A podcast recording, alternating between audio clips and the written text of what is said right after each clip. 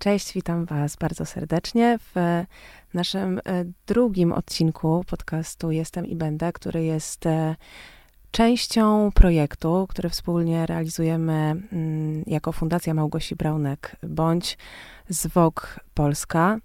W dzisiejszym odcinku e, jest ze mną Zosia Jakubowicz-Prokop. E, od urodzenia mieszkanka Warszawy, studiowała kulturoznawstwo i filozofię. Obecnie robi doktorat na Uniwersytecie Warszawskim.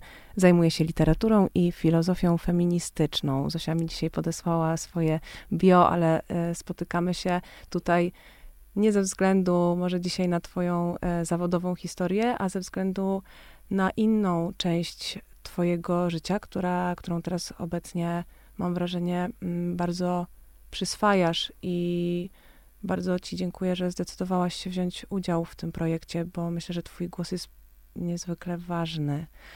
A zaraz e, mam, e, mam nadzieję, że opowiesz nam więcej o Twojej historii, e, też o tekście, który napisałaś, który jest już dzisiaj dostępny jako felieton na portalu Wok Polska.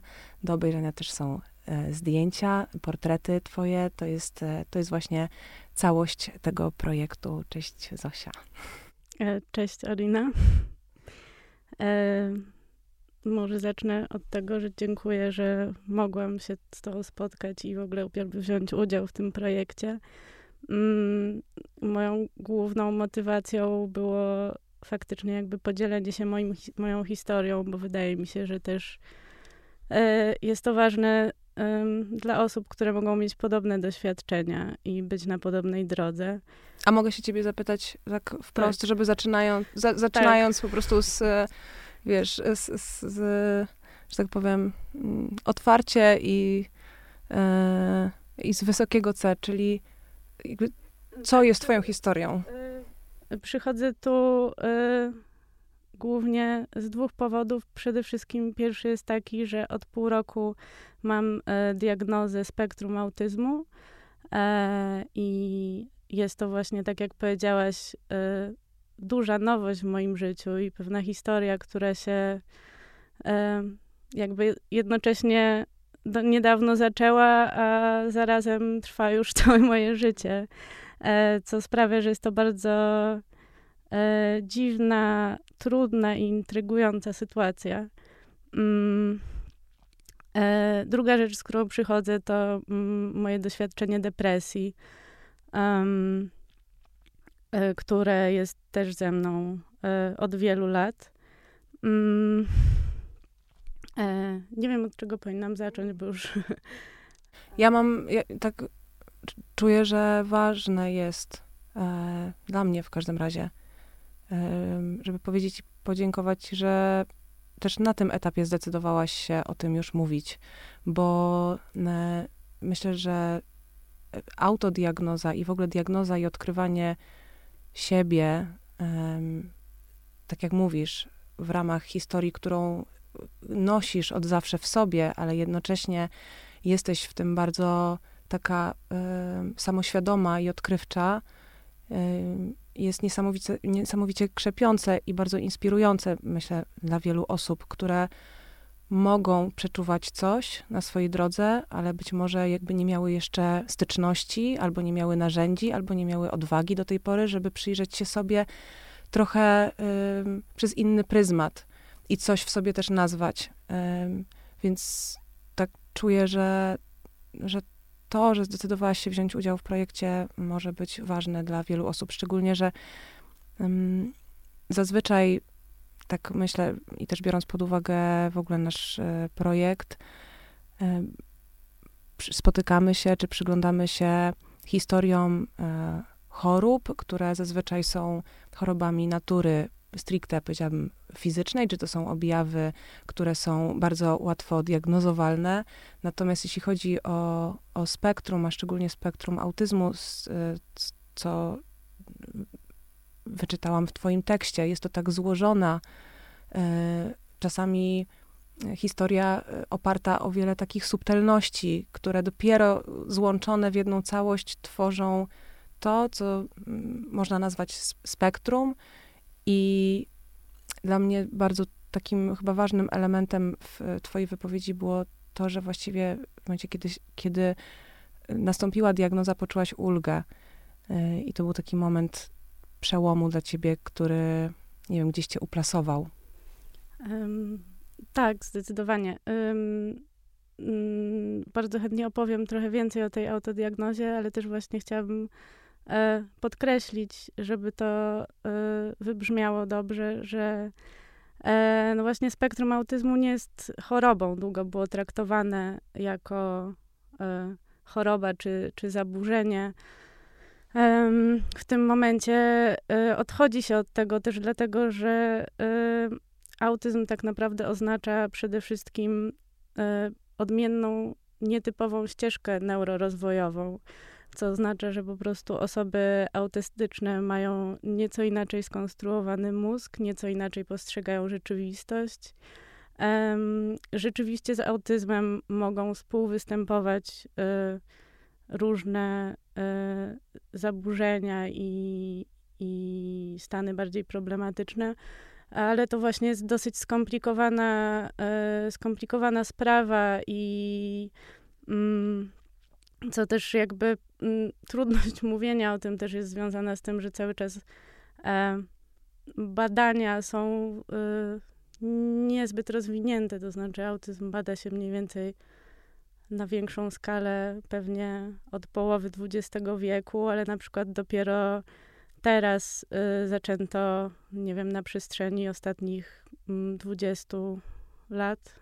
Nie chcę, nie chcę zmyślać, bo nie, nie jestem specjalistką od historii y, badań nad autyzmem, natomiast dopiero od niedawna e, to wiem, zaczęto mówić w ogóle o autyzmie u kobiet. Bardzo długo panowało przekonanie, że autyzm przede wszystkim występuje E, u mężczyzn badano go głównie e, u dzieci, w związku z czym bardzo wiele e, osób zostało um, przeoczonych i niezdiagnozowanych. I to też jakby się przyczynia do tego, że właśnie e, osoby takie jak ja w wieku e, dwudziestu paru, trzydziestu, czterdziestu, pięćdziesięciu lat nagle odkrywają coś o sobie, co um, no, co jakby w zasadzie zmienia, y, przynajmniej dla mnie tak było, y, zmienia postrzeganie własnego życia i własnego doświadczenia. A czym, e, czym różni się autyzm od zespołu Aspergera? Bo mia miałaś, miałaś takie rozpoznanie zespołu Aspergera na początku i z tego co pamiętam. E, tak, to jest tak, że e, te parę miesięcy temu, kiedy dostałam po mniej więcej półrocznym procesie diagnostycznym E, rozpoznanie, e, dostałam dokładnie rozpoznanie zespołu Aspergera. Mm, natomiast e, zespół Aspergera przestaje być powoli traktowany jako osobna jednostka. Ten zespół cech, który występuje pod, tym, pod tą nazwą, jest tak naprawdę zespołem cech charakterystycznych dla autyzmu, dlatego też mówi się o spektrum autyzmu jako um, takim szerszym określeniu, które obejmuje powiedzmy różne typy autyzmu. Tak naprawdę przede wszystkim chodzi o to, że y, różne y, cechy charakterystyczne y, dla autyzmu mogą mieć różny poziom nasilenia, mogą współwystępować z niepełnosprawnościami i, I tak, ale w każdym razie generalnie to, co znamy jako zespół Aspergera, e, jest e, po prostu właśnie częścią tego spektrum.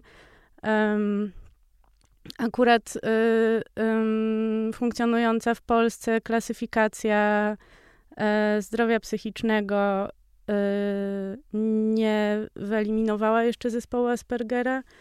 Um, ale druga taka mm, najważniejsza klasyfikacja um, y,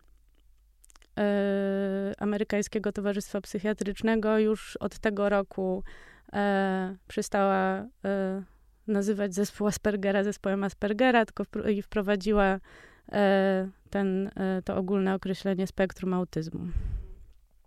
A, a mogłabyś być może na, na podstawie swoich doświadczeń, ale powiedzieć, czym charakteryzuje się spektrum autyzmu? Tak, my, myślę, że to w ogóle jest, jest ważne, bo też ze względu na to, mm, jaką, jakie miejsce zajmuje autyzm w ogóle w naszej e, kulturze i naszych społecznych wyobrażeniach. E, myślę, że cały czas e, e, jest dosyć rozpowszechniony pewien stereotypowy obraz autysty, e, który też, nie wiem, e, został utrwalony przez różne popularne filmy i, i tak dalej. Mm, generalnie mówi się, że autyzm obejmuje takie trzy najważniejsze zespoły cech. Mm, pierwsze, e, pierwszy dotyczy interakcji społecznych, e, drugi komunikowania się, komunikacji, e, a trzeci Mówi się o, no jakby trzeci dotyczy przywiązania do struktur. mówi się w, przy tej okazji też o wąskich czy specjalnych zainteresowaniach, mm, o, e, o właśnie przywiązaniu do, do rutyny, do planów, e, e, też coś, co można by nazwać jakąś taką sztywnością czy, czy małą elastycznością. Mm, I też pod tą kategorią pojawiają się takie cechy jak z jednej strony przywiązanie do planów, a z drugiej strony duża wrażliwość i w ogóle taka, takie przywiązanie do, do struktur, do wzorców, do schematów, co też jakby przekłada się na w ogóle charakterystykę sposobu, w jaki osoba autystyczna postrzega świat. E, jeśli chodzi o, o kwestie interakcji, to właśnie są takie rzeczy jak y, trudność nawiązywania i podtrzymywania relacji społecznych. E, autyści właśnie często mówią o, o trudności w nawiązywaniu bliskich relacji, ale też podtrzymywaniu ich. Mm, jest też trudność w rozpoznawaniu niuansów społecznych, konwenansów i kontekstów, które właśnie nie są wyrażane wprost. Generalnie mówi się o tym, że, że osoby autystyczne mają tendencję do e, czytania wszystkiego dosłownie. Oczywiście ta tendencja może mieć różne nasilenie, ale e, zdecydowanie e, mogę powiedzieć o sobie, że jest mi dużo łatwiej, kiedy ludzie się komunikują e, wprost, wprost, i mówią mhm. o co chodzi, E, miałam wiele sytuacji w życiu, w których e, pewne sytuacje były dla mnie kompletnie niezrozumiałe. E, ludzie zachowywali się w określony sposób, a ja nie wiedziałam dlaczego i też nie, nie było dla mnie jasne, czemu niektóre rzeczy nie mogą być powiedziane wprost. Mm.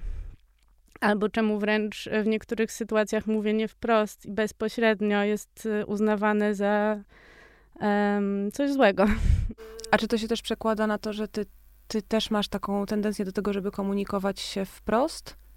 E, wydaje mi się, że to jest skomplikowane, bo z jednej strony e, tak, nie mam na przykład problemu, żeby powiedzieć komuś, że w tym momencie e, nie chcę z daną osobą rozmawiać, albo mm, zakomunikować jakieś emocje. Z drugiej strony jestem osobą bardzo lękową e, i co sprawia i w ogóle też jakby mm, wydaje mi się, że i to też jakby dotyczy w ogóle problemów komunikacyjnych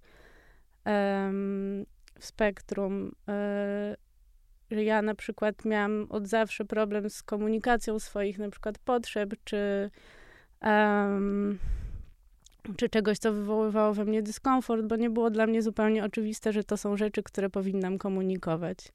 E, do dzisiaj zdarza mi się rozmawiać z moją mamą, opowiadać o czymś z mojego dzieciństwa i ona jest bardzo zaskoczona, że takie rzeczy miały miejsce, a po prostu wydaje mi się, że e, po prostu nie przychodziło mi to do głowy i też e, w związku z czym ta komunikacja była jakoś tam utrudniona. Na to składa się również to, że często, no że tak, że z jednej strony e, trudno było, jakby nie przychodziło mi do głowy, żeby komunikować pewne rzeczy. Z drugiej strony e, dużo i to jakby widzę w sobie do dziś wiele moich potrzeb czy emocji, które przeżywam.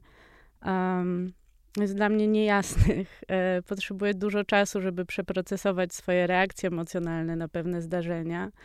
E, nie umiem, nie zawsze umiem powiedzieć, co się dzieje. E, często te emocje. Wejdę ci w słowo, tylko że ja uważam, że się wspaniale komunikujesz, bo mówisz o tym bardzo klarownie i bardzo, wiesz, w taki jasny sposób. To jest dla mnie niesamowicie zrozumiałe. E, myślę, że w dużej mierze to wynika z tego, że się przygotowałam bardzo porządnie. E, oraz no, z lat praktyki. E, e też od w zasadzie od ponad dwóch lat chodzę na terapię, więc e, ćwiczę się w opowiadaniu mm. o, o sobie i swoich emocjach. Ale też chodzi mi o to, że mm,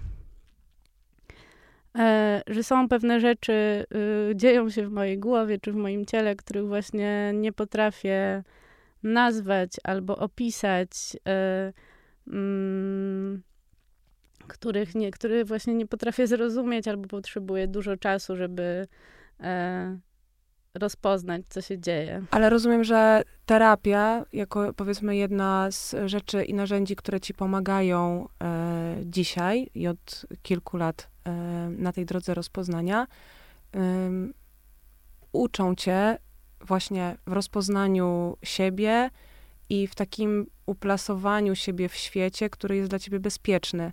Bo z tego też, co e, czytałam i co słyszę, jak komunikujesz, że jednak y, granice zazwyczaj pomiędzy tobą a światem były płynne i nie były tak bardzo rozpoznane i jedną z takich ważnych y, dróg albo takim elementem powiedzmy zadbania o siebie w tym wszystkim jest nauczenie się tych granic i rozpoznawania właśnie być może, nie wiem, nie wiem czy to jest możliwe na wcześniejszym etapie, albo na przykład nauczenia sobie, dawania sobie więcej czasu na to, żeby nie wiem, nie mówić z automatu czegoś, albo nie zgadzać się na jakieś sytuacje z automatu, tylko, nie wiem, poczekać na to, aż ten sygnał wewnętrzny ci coś podpowie i wtedy będziesz w stanie powiedzieć, e, nie, tutaj jest moja granica, albo właśnie nie mam ochoty się z nikim widzieć, e, potrzebuję być teraz sama, albo cokolwiek innego, co ci bardziej w tym momencie będzie służyło, tak żebyś była po prostu e, ze sobą w zgodzie.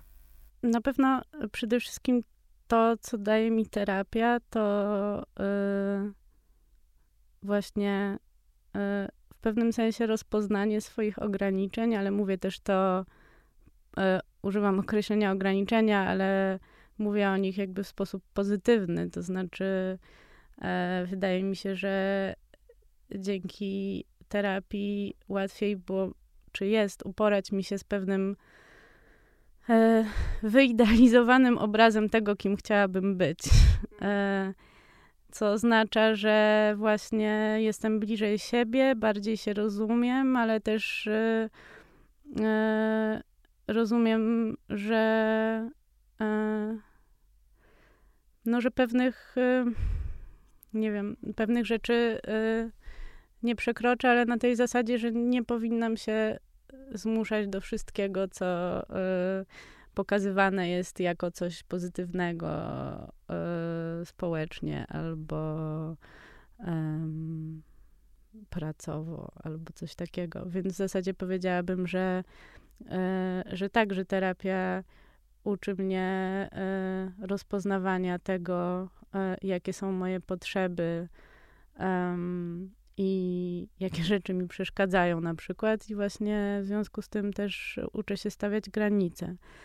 Um, bo rzeczywiście jest tak, że na wielu różnych poziomach te granice zawsze były dla mnie problemem um, i, y, i w dużej mierze czuję się bardzo um, zlana ze światem. To uczucie też y, się potęguje.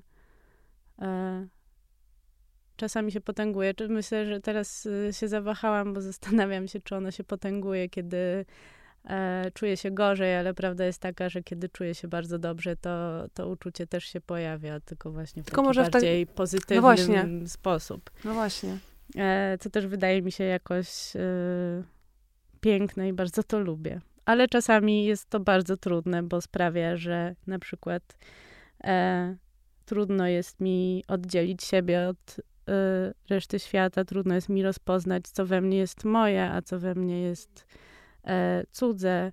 Mm, też jakby w, w bliskich relacjach mm, moje, jakby kiedy wchodzę w jakąś bliską relację, bardzo szybko zaczynam naśladować tą osobę i powielać jej sposoby zachowania, sposoby myślenia, czasem też sposób ubierania się, e, co sprawia, że właśnie e, przyjmuję bardzo dużo rzeczy w siebie.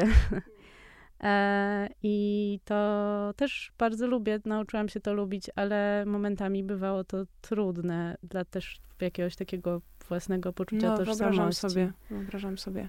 A masz e, też coś, co fizycznie ci towarzyszyło, czyli jakieś e, objawy albo takie, wiesz, elementy, po których można by też rozpoznać e, spektrum. E, wiem, że takie są, ale nie wszystkie się ujawniają u wszystkich osób też, z tego co wiem. Tak, no e, generalnie e, przede wszystkim e, z tego co wiem, wszystkie osoby w spektrum potrzebują e, autostymulacji. E, popularnie jakby nazywa się to steamowaniem. E, to znaczy, i tu chodzi jakby o dostarczanie sobie różnego typu bodźców zmysłowych. To mogą być, może być machanie rękami, pstrykanie, pocieranie rąk, y, drapanie się, głaskanie się po głowie, e, bawienie się włosami, ale też to mogą być, y, e, mogą te steamy dotyczyć też y, innych zmysłów i e, mogą być wizualne, dźwiękowe, dotykowe. Mm, więc jakby nazwałabym to pewnym fizycznym objawem, bo właśnie chodzi o to, że ciało jest w zasadzie cały czas w ruchu, ale też w takim fizycznym kontakcie z otoczeniem. E, e, I ja rzeczywiście dużo się ruszam, e, co nie oznacza, nie jest jednoznaczne z tym, że lubię ruch. E, sport generalnie e, jest dla mnie czymś e, trudnym i wymagającym, bo szybko się męczę E, ale właśnie dużo się wiercę, dużo ruszam rękoma, kiedy jestem bardzo zestresowana albo źle się czuję, pocieram e, albo po prostu czuję niepokój, e, pocieram ręce i, i robię tego typu rzeczy. Jakby nie mam takiego, takiej jednej rzeczy, którą robię zawsze. Trochę, trochę też teraz y, z tym eksperymentuję y, y, i szukam czegoś, co będzie dla mnie najlepiej działało. Dużo się też zaczęłam kiwać. To jest przyjemne bardzo i rzeczywiście jakby generalnie Steamy służą autoregulacji i uspokojeniu ciała i głowy.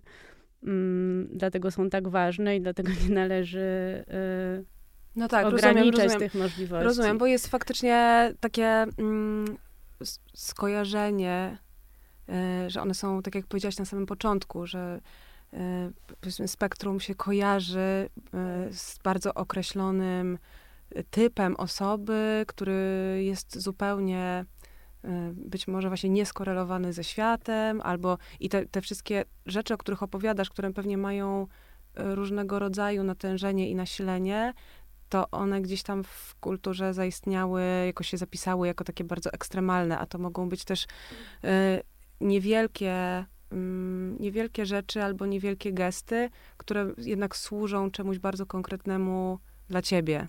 Tak, no też y, jest, jest parę rzeczy, które bym chciała w tym kontekście powiedzieć. Przede wszystkim właśnie to mogą być bardzo różne rzeczy i mogą mieć różne natężenie. E, ale wielu, e, wiele osób autystycznych e, ma doświadczenie ukrywania się ze swoim autyzmem. I to ukrywanie się, mówi się o tym, nazywa się to maskowaniem. Mm, i ukrywanie to może się też dziać nieświadomie, ale generalnie służy temu, żeby ukryć wszystkie cechy, które mogą e, wywołać e, w świecie zewnętrznym jakiś dyskomfort, czy oburzenie, czy krytyczne reakcje. Mm. I wiem, że bardzo wiele osób właśnie e, to steamowanie minimalizuje, albo ukrywa, albo robi tylko w domu. Czasem to może w efekcie przyjąć formę autoagresywne, właśnie na przykład jak rozdrapywanie skóry do krwi albo walenie głową w ścianę.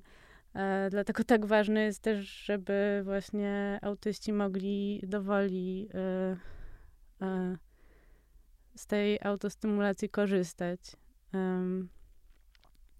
A inna rzecz, którą chciałam powiedzieć, jest też taka, że mówi się o tym, że właśnie takie objawy czy tam cechy charakterystyczne dla spektrum, które się najczęściej kojarzą y, i które są właśnie takie, jak powiedziałaś, doprowadzone do pewnego, nazwijmy to ekstremum, y, są związane z tym, że jakby te określone cechy mogą się nasilać w sytuacji kryzysowej, kiedy osoba bardzo źle się czuje, kiedy jest straumatyzowana, kiedy mm, właśnie jest y, w kryzysie psychicznym. Mm, co jakby też e, pokazuje, że właśnie e, te, no jakby takie e, najbardziej... No tak, tak, tak, tak. Rozumiem, rozumiem, że to, to przybiera właśnie taki, jak powiedziałaś, autoagresywny tak. rys. A chciałabym, wiesz, zapytać się ciebie o ten moment autodiagnozy, czy diagnozy twojej. Jak, jak to się stało, że się zorientowałaś? I co się od tego czasu dla ciebie w życiu zmieniło? I czy twoje życie, możesz powiedzieć, że stało się jakieś lepsze od tego czasu? Chciałabym tylko jeszcze na chwilę wrócić do tych fizycznych e, e, elementów, bo jeszcze nie powiedziałam właśnie o kwestii integracji sensorycznej. Um, mówi się na to zaburzenie integracji sensorycznej. To nie jest coś, co zawsze występuje u osób autystycznych, ale występuje dosyć często. Te, Problemy z integracją też mogą się pojawiać u osób nieautystycznych, e, a generalnie chodzi o to, że e, przejawia się to albo nadwrażliwością, albo niedowrażliwo- niedowrażliwością na bodźce zmysłowe. E, dlatego na przykład ja mam światłowstręt, bardzo źle reaguję na intensywne światło i światło jarzeniowe. Jestem wrażliwa na dźwięki, Mm, ale też na przykład potrzebuję przez większość czasu mieć muzykę w tle, e, co jest jakimś też rodzajem e, stymulacji. E, I na przykład na dotyk. Bardzo nie lubię takiego delikatnego dotyku, nie lubię, kiedy ten dotyk jest gwałtowny. Przytuliłam cię na przywitanie. To jest okej, okay. jakby przytulanie jest w porządku, jeżeli, zwłaszcza jeżeli jest takie mocne, jeżeli jest delikatne, niespodziewane, wtedy jakby po prostu źle na to reaguje. Um, więc tylko, to tylko chciałam y, dodać. Okay. Oczywiście temat jest znacznie szerszy. Y, no na pewno, no, ale... tutaj sygnalizujemy coś, ale, y, ale myślę, że to rysuje już jakąś mapę, to wszystko, co powiedziałaś, e, takich najbardziej charakterystycznych cech, które można by rozpoznać u siebie albo u kogoś. E, a na przykład dla mnie, e, jak o tym rozmawiamy, to mi daje wgląd w, w ciebie i w twoje potrzeby. I wyobrażam sobie, że no właśnie trudno czasami pewnie jest powiedzieć, e, powiedzmy, komuś, że no nie wiem, nie chcesz właśnie, no nie wiem, wolisz na przykład się nie witać przywitaniem e, takim albo podaniem ręki, bo jest to dla ciebie, e, mówię oczywiście przykładowo, bo nie wiem, czy tak jest, ale, ale tak sobie wyobrażam, e, bo jest to dla ciebie irytujące albo jakieś. Nieprzyjemne. Nieprzyjemne, a, a ja, ja wiedząc o tym, po prostu nie, jakby nie napinam na to, wiesz, no jakby nie, i, i mam świadomość twoich granic. No, jakby to jest, to jest idealna sytuacja, ale rzeczywiście jest to, jest to trudne. Dużo jakby łatwiej mi to idzie, odkąd mam diagnozę, e, wracając trochę do twojego pytania. Mm, ale rzeczywiście ja trochę od dziecka mam takie poczucie, że dużo moich potrzeb e, jest e, no nie wiem, że to są jakieś fanaberie, że wydziwiam, że wydaje mi się, e, że coś mi przeszkadza, albo że mogę zacisnąć zęby i wytrzymać to światło jarzeniowe. e, e, a jednocześnie właśnie teraz po tym ostatnim jakby dosyć intensywnym, e, jeśli chodzi o jakąś autorefleksję i poznawanie siebie, e, Y, jakby ten czas, mm, to też widzę, że właśnie takie nawet drobne rzeczy ostatecznie składają się na jakiś dobrostan i że ta logika, którą bardzo długo podążałam, zgodnie z którą jakby wiele moich potrzeb e, czy rzeczy właśnie, które były dla mnie nieprzyjemne, ignorowałam i traktowałam jako w jakimś sensie e, nieistotne. E, no, że jakby to jest wszystko to, o co powinnam dbać i że jakby wiadomo. Ale rozumiem, o co chodzi, tak jak czuję e, z tego, co mówisz, że rzeczy, które mm, przez całe pewnie życie ignorowałaś i marginalizowałaś i odsuwałaś i wydawały się małe i nieistotne, teraz są zaopiekowane albo przynajmniej e, próbują, być. próbują być. No wiadomo, że to jest ciężka praca i wiesz, tak na dobrą sprawę mm, wydaje mi się, że każdy z nas e, ma jakby, znaczy to dotyczy każdego z nas, bo, bo w jakimś sensie chodzi o, o przyjęcie siebie takim, jakim się jest. A rozpoznanie siebie, no to jest, to jest ścieżka do szeroko rozumianego zdrowia, w każdym razie w moim, e, w moim przekonaniu. A jest coś, co od diagnozy zaczęłaś wprowadzać, czy mm, coś, co ci zaczęło towarzyszyć jako jako pewne rytuały, coś, co robisz codziennie, coś, czego się trzymasz, jakieś narzędzia pomocowe, które ci służą właśnie w tym, żebyś się czuła stabilniej? Hmm. może zacznę od tego, że pewne rytuały e, od zawsze ze mną były.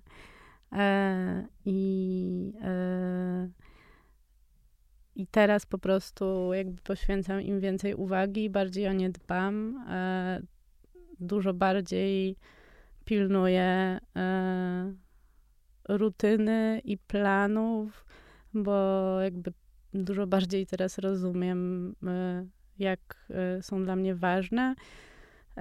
I może, nie wiem, może to na jakimś poziomie zabrzmi dziwnie, bo może ludziom łatwiej się uczyć, jak funkcjonują, ale dla mnie diagnoza była czymś w rodzaju instrukcji obsługi, którą nagle po 28 latach dostałam i rzeczywiście widzę, jak e, po prostu wiele rzeczy we mnie było dla mnie nieprzejrzystych, niezrozumiałych i e, no nie wiem, jakby mm, zawsze reagowałam e, paniką na zmiany w planach e, i niepokojem, e, czasami nawet płaczem albo e, e w ogóle rozpadem, e, ale myślałam, że to jakby źle o mnie świadczy, że to świadczy o tym, że jestem nieelastyczna, e, że powinnam, w związku z czym powinnam z tym walczyć i właśnie zaciskać zęby i się przyzwyczajać. No teraz jakby już wiem, że nie. Już wiem, że po prostu ja, mój organizm, mój mózg działamy tak, że te plany są ważne.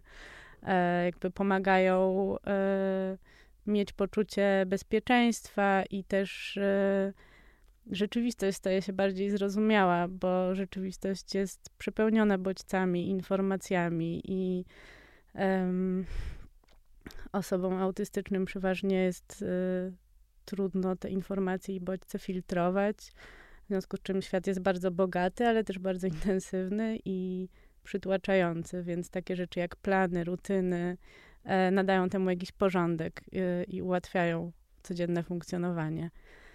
E, więc na pewno dużo bardziej o to dbam, e, ale też e, wprowadzam e, jakieś nowe rytuały i szukam jakichś e, nowych narzędzi, które, które mi ułatwią, czy jakoś. Zapamiętałam zioła z twojej wypowiedzi, co mi bardzo tak, zaczęłam, zaczęłam pić dużo ziół. E, zawsze miałam problem z e, piciem wody. Bardzo lubię pić wodę, ale jednocześnie zawsze o tym zapominam, w związku z czym piję bardzo mało napojów w ciągu dnia.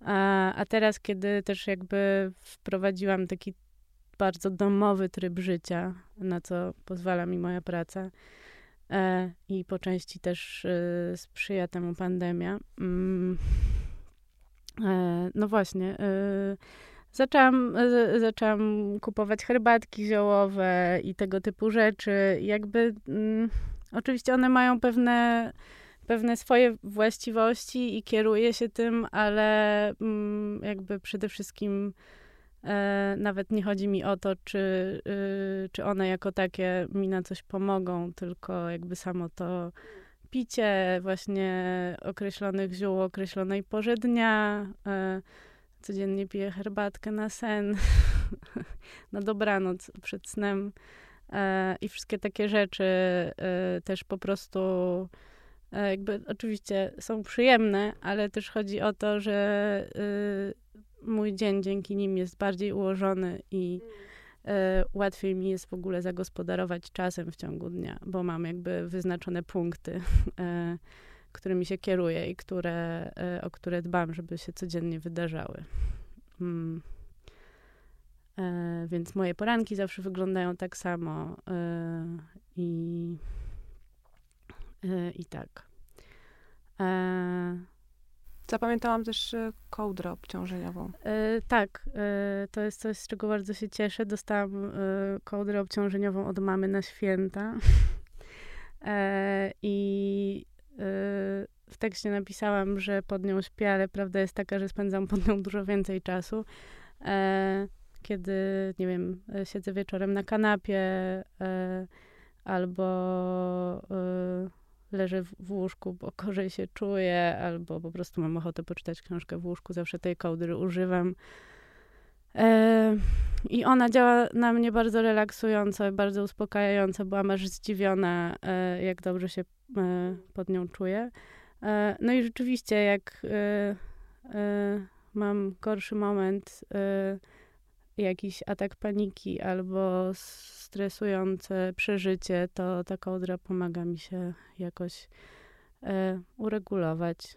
Y, I właśnie też pomaga mi w tym, że generalnie potrzebuję mm, czuć jakiś rodzaj nacisku na moje ciało, dlatego na przykład trudno jest mi usiedzieć e, długo, bez oparcia, z nogami na, e, ze stopami na e, ziemi, bez zakładania nogi na nogę i tak dalej, bo jakby bez tego jakiegokolwiek ucisku na ciało zaczynam czuć niepokój i dyskomfort, co oznacza, że bardzo często siedzę ze skrzyżowanymi nogami, opieram się, lub wręcz pokładam się na stole, a taka kołdra obciążeniowa jest akurat bardzo duża i niewygodna przy siedzeniu, ale na przykład poduszki z gryką są świetne do kładzenia na, na kolanach i takiego dociążania się. A skąd e, czerpiesz informacje? Czerpię, czerpię informacje w zasadzie ze wszystkich źródeł, które znajduję. E, jest jakby, mm, co w ogóle całą moją przygodę z autodiagnozą, a później już samą, samą diagnozą oficjalną zaczęłam od czytania książek. E, głównie czytałam książki e, o e, autyzmie u kobiet. E, jest parę po polsku, właśnie ukazała się e, świetna książka Ewy Furgał, Dziewczyna w spektrum. e, która jakby opowiada trochę o jej doświadczeniu, trochę o jej wiedzy na temat autyzmu na podstawie niektórych badań.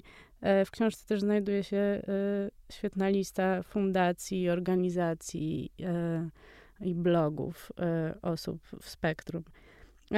W ogóle wydaje mi się, że warto wspomnieć o tym, że dużo autystów po diagnozie, jeśli ta diagnoza jest późno, ale wydaje mi się, że też jakby po prostu dużo autyzm, autystów y, zaczyna zajmować się samorzecznictwem, w związku z czym wiele tych fundacji i, i blogów i y, stron na Facebooku jest właśnie prowadzone przez osoby w spektrum.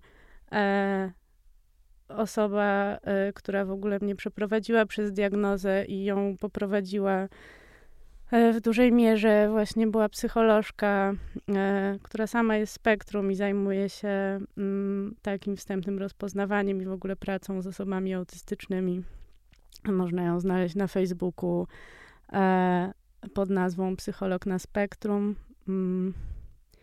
I, I tak, i w ogóle Facebook jest zaskakująco dobrym źródłem w tym momencie. Mój feed głównie w tym momencie jakby może nie. Jest sprofilowany. Ale jest bardzo sprofilowany i obserwuję dużo, e, dużo, dużo stron, dużo fanpage i profili, ale też jestem w różnych grupach. Jest na przykład duża polska grupa Dziewczyny w Spektrum, e, jest też grupa Autystawka e, i, e, i tak. Więc, e, no i właśnie, no i są fundacje, fundacje znowu Dziewczyny w Spektrum, Fundacja Atypowi, która też się zajmuje y, świadomością na temat neuroróżnorodności. Mm, jeśli chodzi o diagnostykę, to jest e, Fundacja Prodeste, Gabinety Aspekt. Y, I jakby teraz na szczęście gdzieś ta wiedza się roznosi i popularyzuje i rzeczywiście coraz więcej osób o tym mówi i e, pojawiają się ciągle nowe wywiady i artykuły um, i nowe organizacje, więc te informacje stają się dużo, dużo bardziej dostępne. E, ja e, całkiem mnie to rozbawiło, bo wydaje mi się, że jakby zaczynałam myśleć o tej diagnozie w momencie, w którym jeszcze to nie było aż tak rozpowszechnione. Trafiłam na jakiś pojedynczy artykuł, ale w trakcie tego procesu nagle jakby mam wrażenie, że wybuchło coś i, e, i rzeczywiście dużo, dużo informacji, znacznie więcej właśnie w, w polskich mediach zaczęło się pojawiać. Zosia, jesteś bardzo odważna. Dziękuję ci bardzo za to, że o tym mówisz. E, w tak otwarty sposób i tak przejrzysty i klarowny i, i stawiając granice. Naprawdę, dziękuję ci. Bardzo ci dziękuję. Zastanawiam się, czy, czy jest jeszcze, myślisz, coś, co chciałabyś dodać, powiedzieć? Coś, co może pominęłyśmy. Ja myślę, że można by o tym w ogóle bardzo długo rozmawiać, e, tak. bo w sumie każdy każda z rzeczy, które poruszyłaś, jest osobnym działem, który można by rozwijać. I takie mam poczucie, że nawet, y, nawet nie zdążyłam zapytać się ciebie o, o, o tak naprawdę twoje doświadczenia, nie wiem, sprzed diagnozy i teraz, mm. ale, y, ale też bardzo dużo pojawiło się informacji takich praktycznych i, i dzięki, że się nimi podzieliłaś, mam, mam poczucie, że to jest ważne. Ja, wiesz, to jest świat, w którym ty jesteś, E, i wiesz, że właśnie no już wymieniłaś mnóstwo fundacji, mnóstwo mhm. źródeł, mm. które y, można rozpoznać i one są ogólnie, ogólnodostępne, ale jak się nie jest jednak, y, wiesz, w tym nurcie, no tak, tak, jak, tak. tak. jak ja nie jestem, no to nie mam do tego po prostu bezpośredniego dostępu. mm. Więc dla mnie to jest bardzo wartościowe, że o tym powiedziałaś.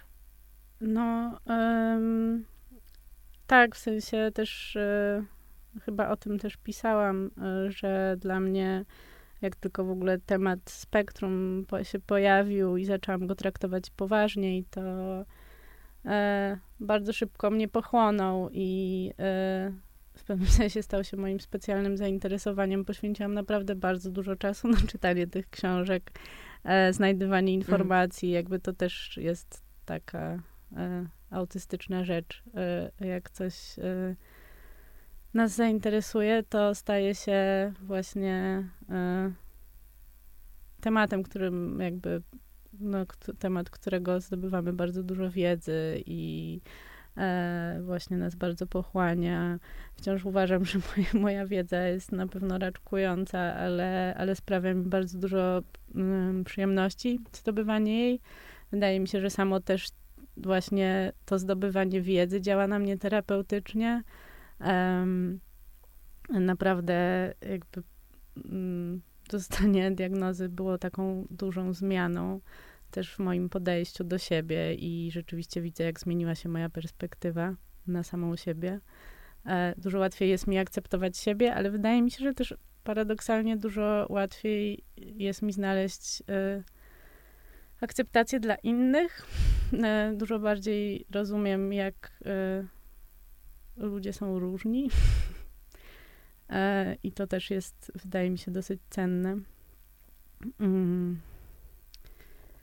E, I tak, chciałam coś jeszcze powiedzieć, ale zapomniałam, co to było.